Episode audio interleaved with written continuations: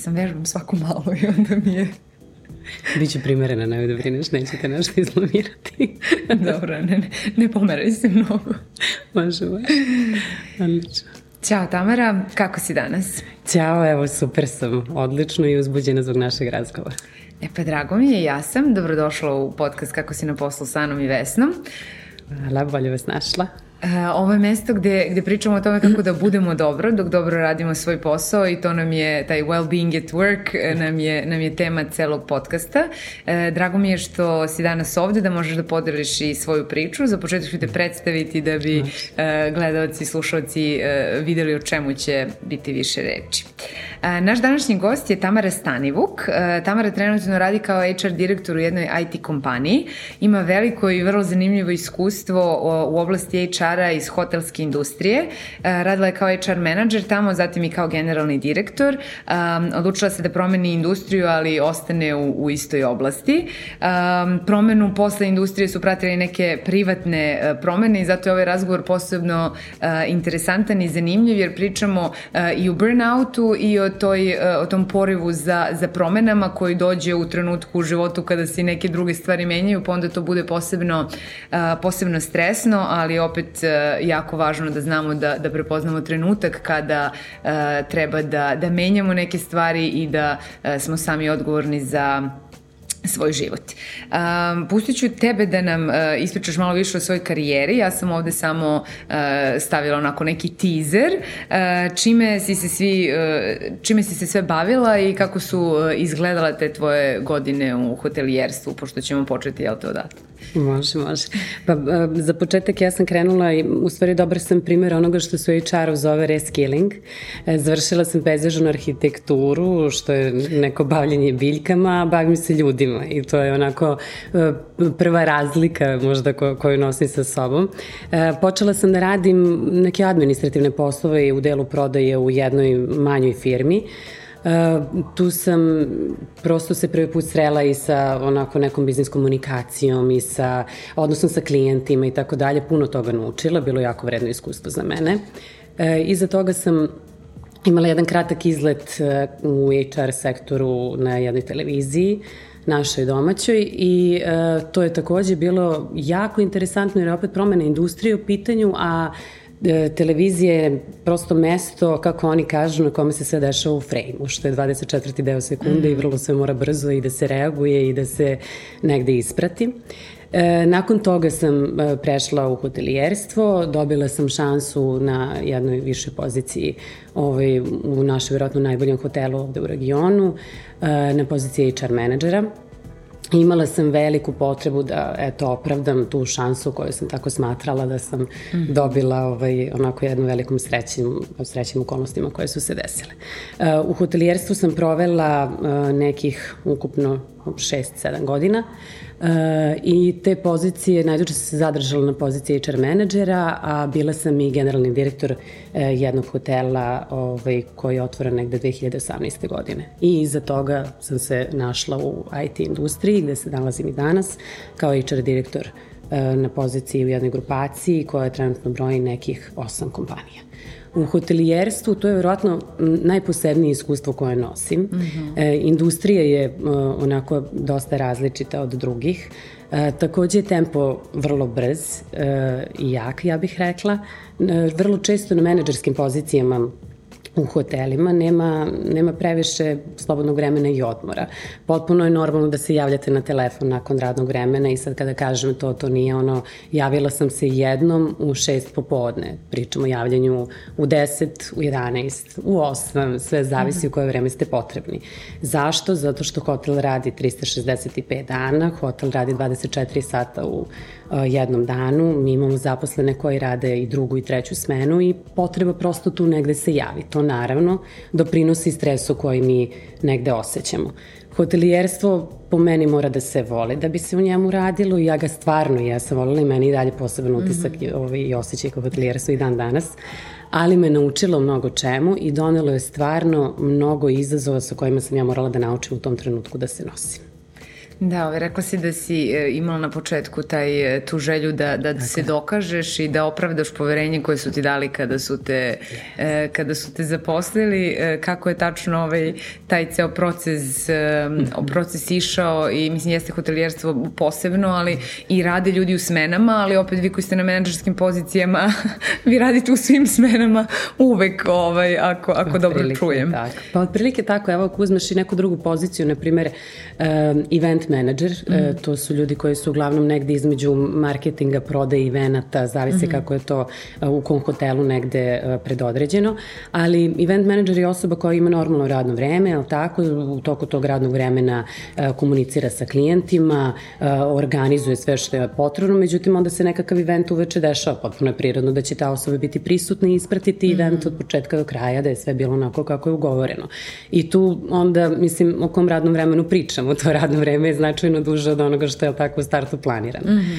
Ali, ovaj, e, kažem, e, vrlo je posebno, daje jedan neverovatan utisak da ste napravili nešto dobro i to mislim da veliki broj ljudi i zadržava upravo u hotelijerstvu i dan danas ja sam imala nekako taj osjećaj dok sam, dok sam tamo radila, koliko smo mi nekih lepih proizvoda napravili, izbacili i tako dalje i sve okrenuto ka klijentu i ka tome da doprinesemo tom dobrom ovaj, osjećaju zadovoljstvo klijenta i ono što je isto posebno jeste personalizovana usluga. To znači da je toliki nivo usluge stvarno redko viđen u drugim industrijama mm -hmm. i tolika posvećenost detaljima od toga da se klijent odmah, odnosno gost odmah uh, nakon drugog ulaska u hotel oslovljava po prezimenu, da se tačno znaju njegove navike, kakvu kafu pije i tako dalje. Znači, zadovoljstvo koje taj gost osjeća sa tim nivom usluge je zaista nešto što redko gde drugo može da se prevasiće ili dostigne. Mm -hmm.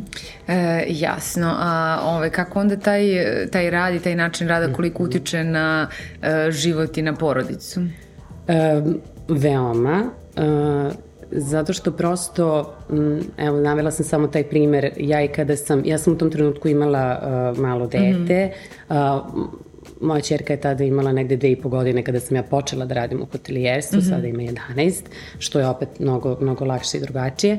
Uh, u tom trenutku njene potrebe su normalno bile drugačije mm -hmm. i potreba za tim da ja budem prisutna i u kom broju sati u toku dana je bila mnogo veća. Uh, moje prisustvo i kada dođem kući na vreme je normalno nije bilo upitno, međutim nisam do kraja bila prisutna niti sa mozgom, niti sa razmišljanjima usmerena svaki put baš kad se igramo na tu igru i tako dalje ili na bilo koju drugu aktivnost da smo imali. Mm. Tako da fizički možda i jesam bila tu, ali sasvim sigurno sam vrlo često bila ovaj, odsutna e, psihički i na neke mm. druge načine u razmišljanju i slično. Um, sigurno je to ostavilo neke posledice i doprinelo onome što se u nastavku tako meni dešavalo. Um, s obzirom da ni moj uh, bivši sada, tadašnji muž uh, je možda bio jedina osoba koja je više od mene radila i više mhm. bila odsutna, nije dobar sklop za, za ovaj neki lep ishod, jel tako, svega toga. Ali da, porodica pre svega ja mislim da oseti kada je uh, ta vrsta opterećenja mm -hmm. prisutna.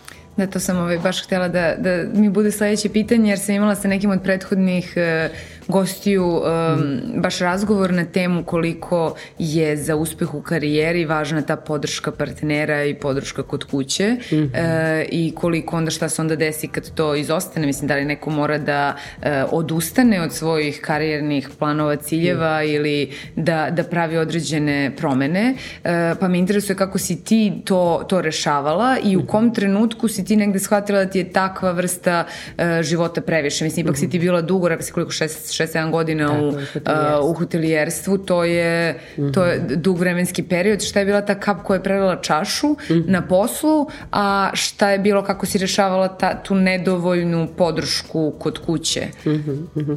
Pa lepo si primetila, jesu nekako dve, uh, dve, dva segmenta života, a opet su dovela do tog nekog mog sagorevanja u svakom smislu. Uh, u ovom privatnom smislu uh, ja nažalost nisam imala podršku partnera um, jer je nekako naš život do tada bio potpuno usmeren ka njemu i njegovoj karijeri. Onog trenutka kada sam ja poželela nešto više za sebe, u tom smislu mislim pre svega na neki lični razvoj, na neku širinu koju sam ja smatrala da, da želim još da dosegnem, vidim i tako dalje i onda da izaberem nekakav dalje svoj put i možda definitivnu karijeru to je opet značilo podršku od strane partnera, njegovo veće prisustvo, možda preuzimanje nekih obaveza i odgovornosti i tako dalje, gde nije postojala jednostavno spremnost sa njegove strane.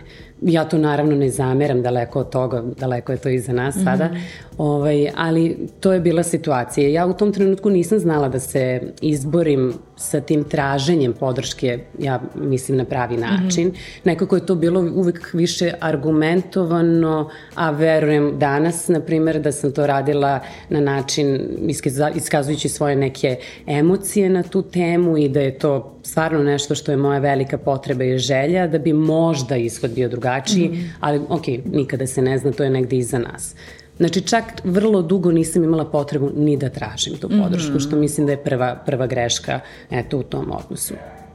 Kada je tu došlo do kraja? Pa došlo do kraja onog trenutka kada mi je jasno komunicirano da će to apsolutno izostati i da jednostavno potreba naše porodice jeste da ja sedim kod kuće. Mm -hmm. To je za mene nekako bilo, nije bila stvar izbora. Da je bila mm -hmm. stvar izbora i da je bila stvar pravljenja našeg zajedničkog kompromisa, ja bih se drugačije osjećala. Mm -hmm. Međutim, kada je to bilo nekako nametnuto, kao da komuniciram sa ocem koji mi daje mm. instrukcije i ono, ne, neko pravilo ili neko moranje, ovaj, to je bilo negde mesto gde sam ja shvatila da, da uklapanja više nema i da mi jednostavno imamo vrlo različite poglede na odnose i na partnerstvo i slično i tu je prosto negde došlo i do, do razdvajanja i do kraja.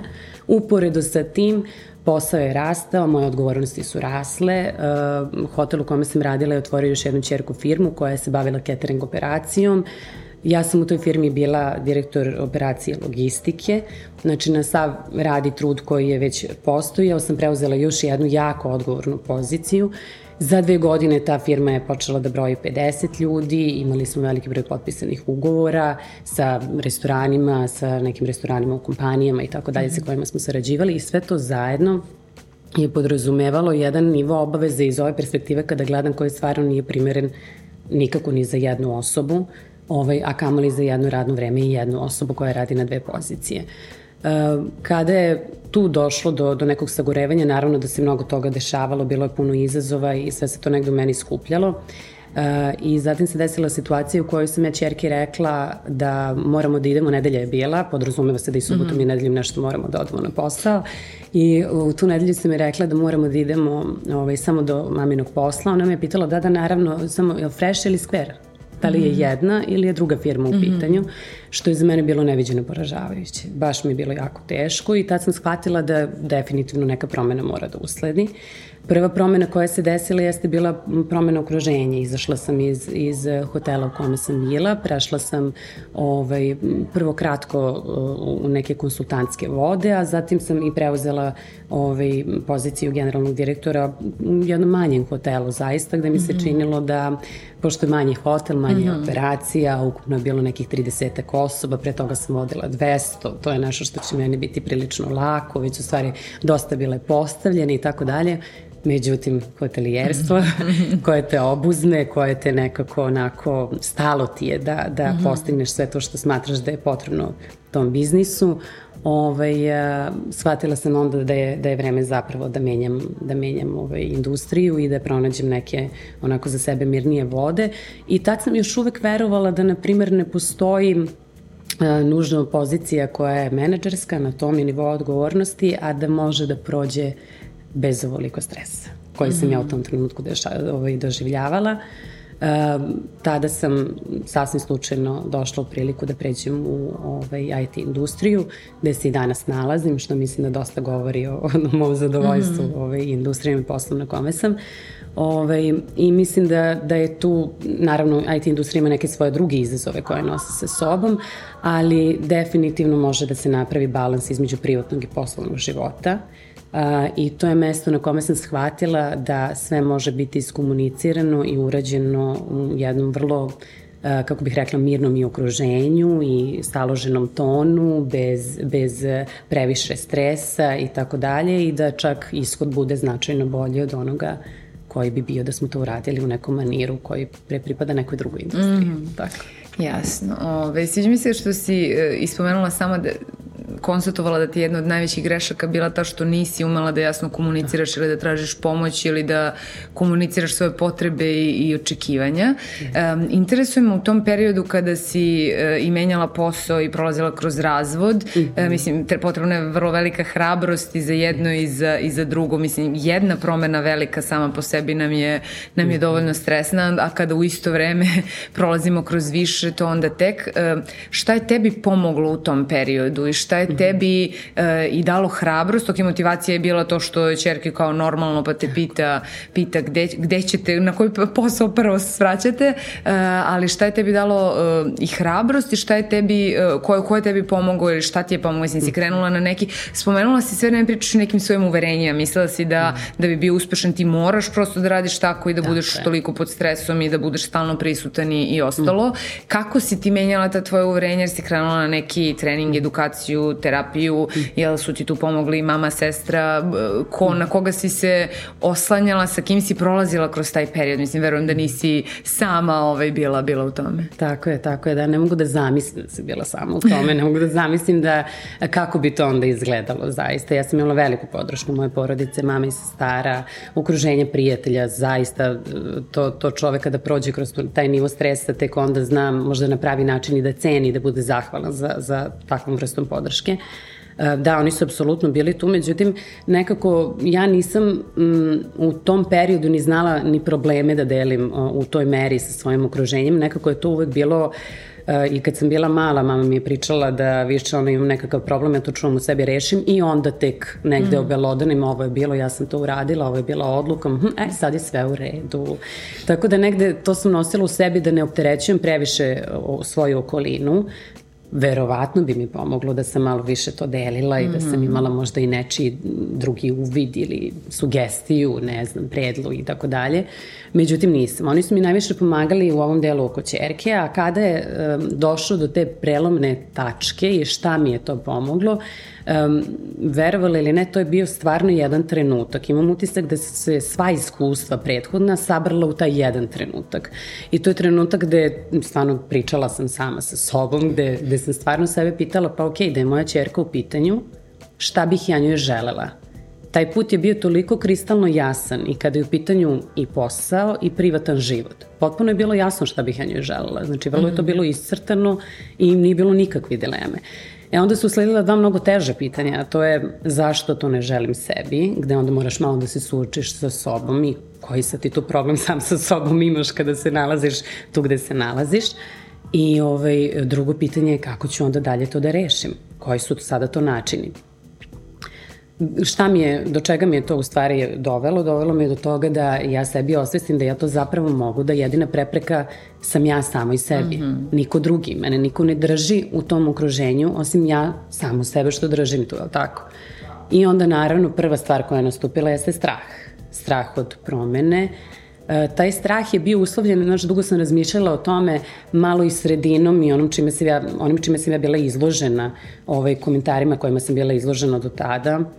Kako ti sad misliš da menjaš posao, ti si majka malog deteta, ko će sada tebe da primi, e, pa da li znaš šta bi to podrazumevalo, e, pa kako misliš da promeniš industriju, ti nikada u toj industriji nisi radila, pa šta ti znaš tačno o tome? I tako dalje.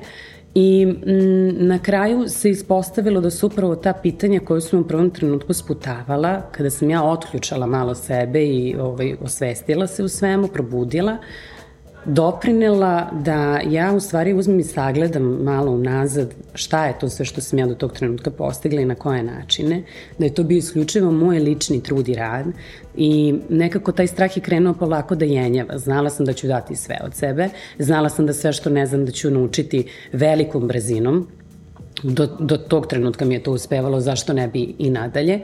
I možda ono što mi je bila ta finalna, kako bih rekla, finalni puš je bilo ovaj, to pitanje, strah te uvek tera da se pitaš a šta ako se desi, pa onda opet sve neki crni, mm -hmm. jel tako, scenari i neki loši ishodi.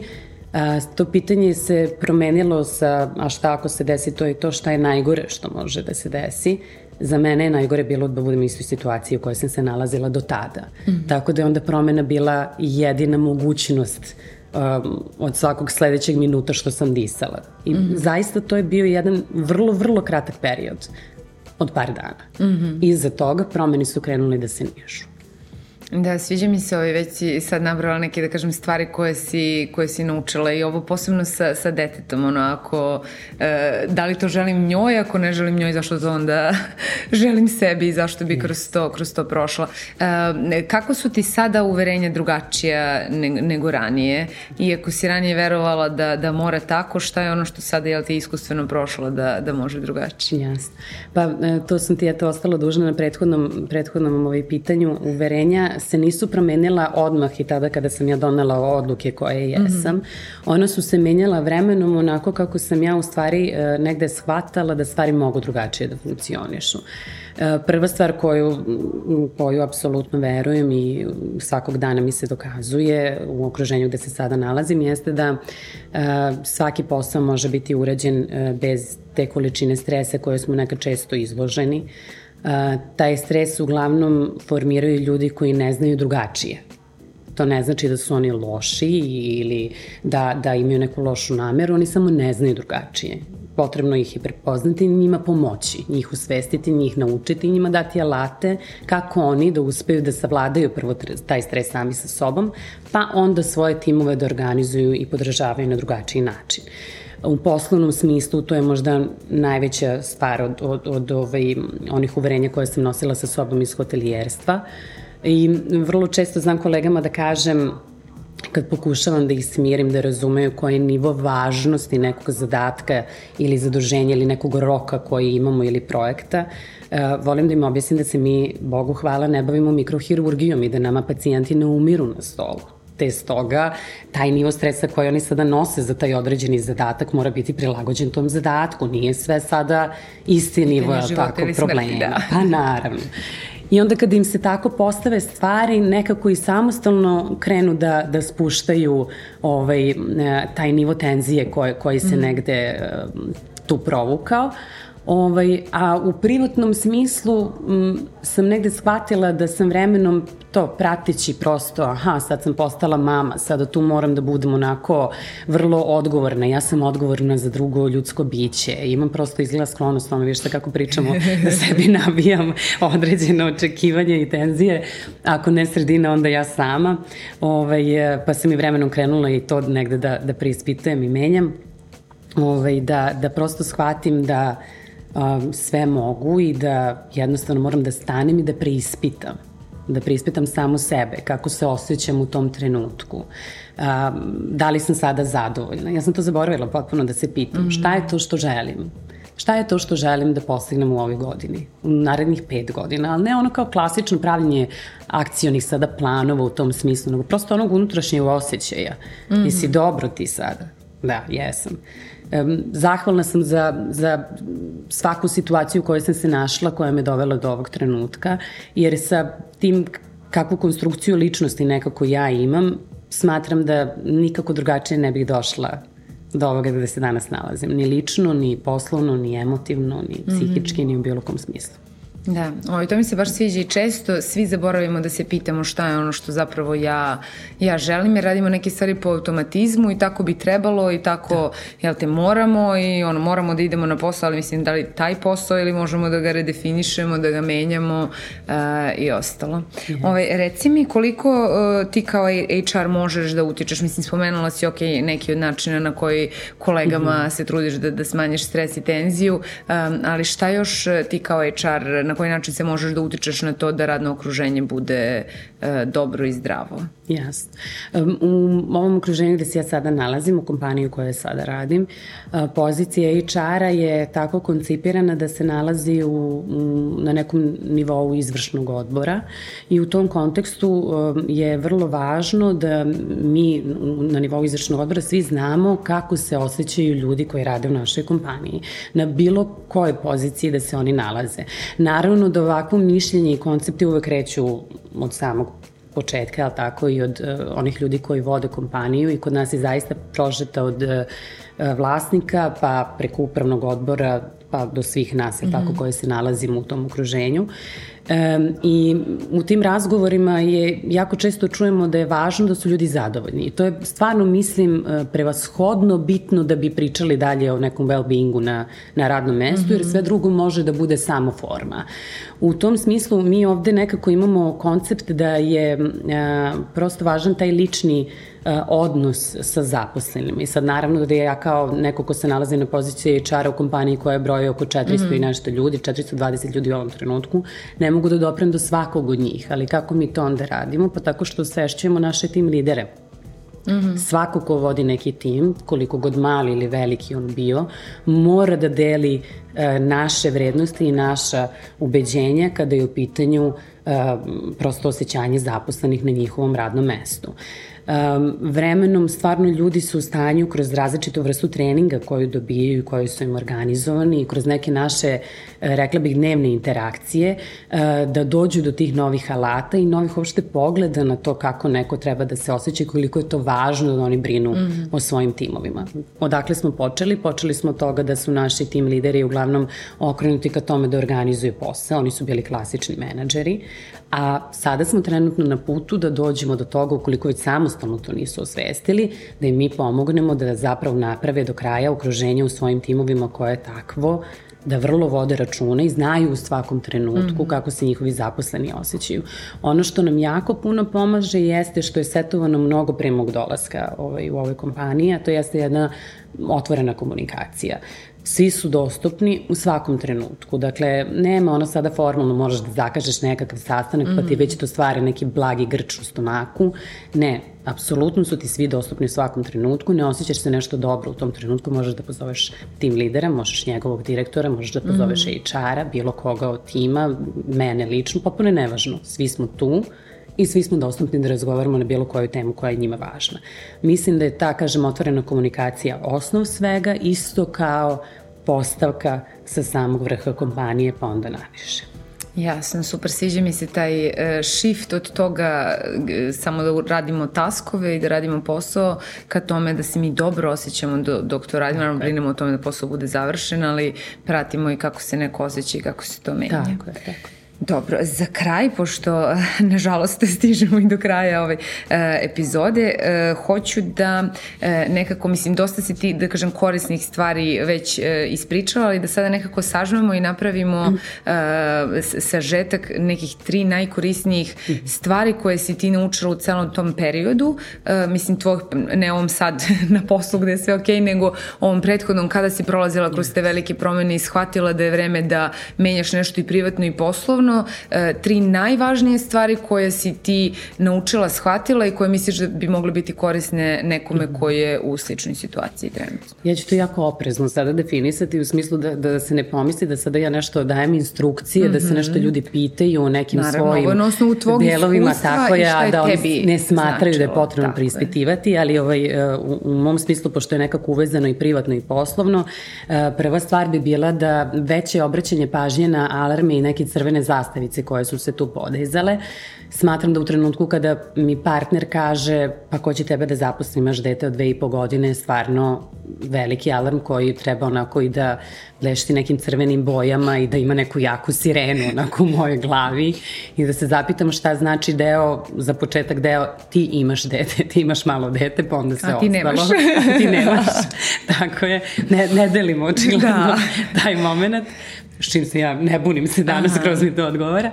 Ovaj, Dakle, e, primećivanje prosto nekih, e, nekih ponašanja, nekih stavova, nekih izjava, e, pa može da se predslika to i na poslovni život koji jednostavno odudaraju od onoga što je nekako pripada mojim stavovima, mojim vrednostima, pa i očekivanjima na kraju dana. Uh, Naravno. preispitivanje svega toga, šta se to dalje znači, da li mi to treba da uđemo u neku dublju uh, konverzaciju, razumevanje i da, da prosto tu temu nekako prođemo zajedno, pa da vidimo gde se mi tu nalazimo, da li, koja, šta se to promenilo mm -hmm. od onoga što sam ja juče mislila da mi delimo to dete i da su mm -hmm. naše odgovornosti tu nekako uključene, da. jeste i ravnopravne.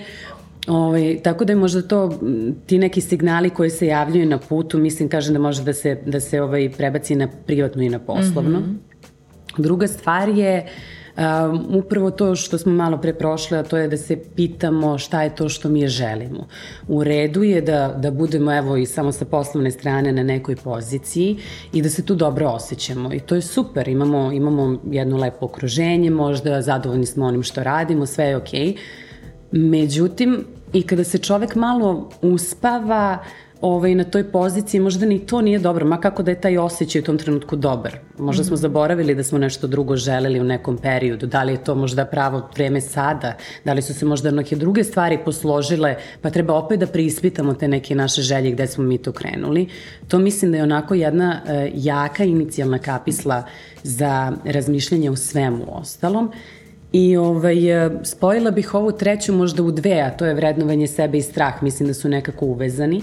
Da onog trenutka kada krenemo da sumnjamo u sebe, da je tada isto potrebno da možda povučemo malo ručnu, sednemo i sami sa sobom popričamo, setimo se šta je to sve što smo u prošlosti napravili, uradili, kojim putem, koliko je to bilo zalaganja, truda, energije i da je na kraju šta je ishod toga. Da zaista malo sebe potopšemo mm. po ramenu i da kažemo možeš ti to, da vidi kako možeš. Nerealni, da. Naravno. A onda ta vera u sebe te strahove i briše. Mm -hmm ne dozvoljava jednostavno da se nakupljaju, sumnja ih negde povlači sa sobom.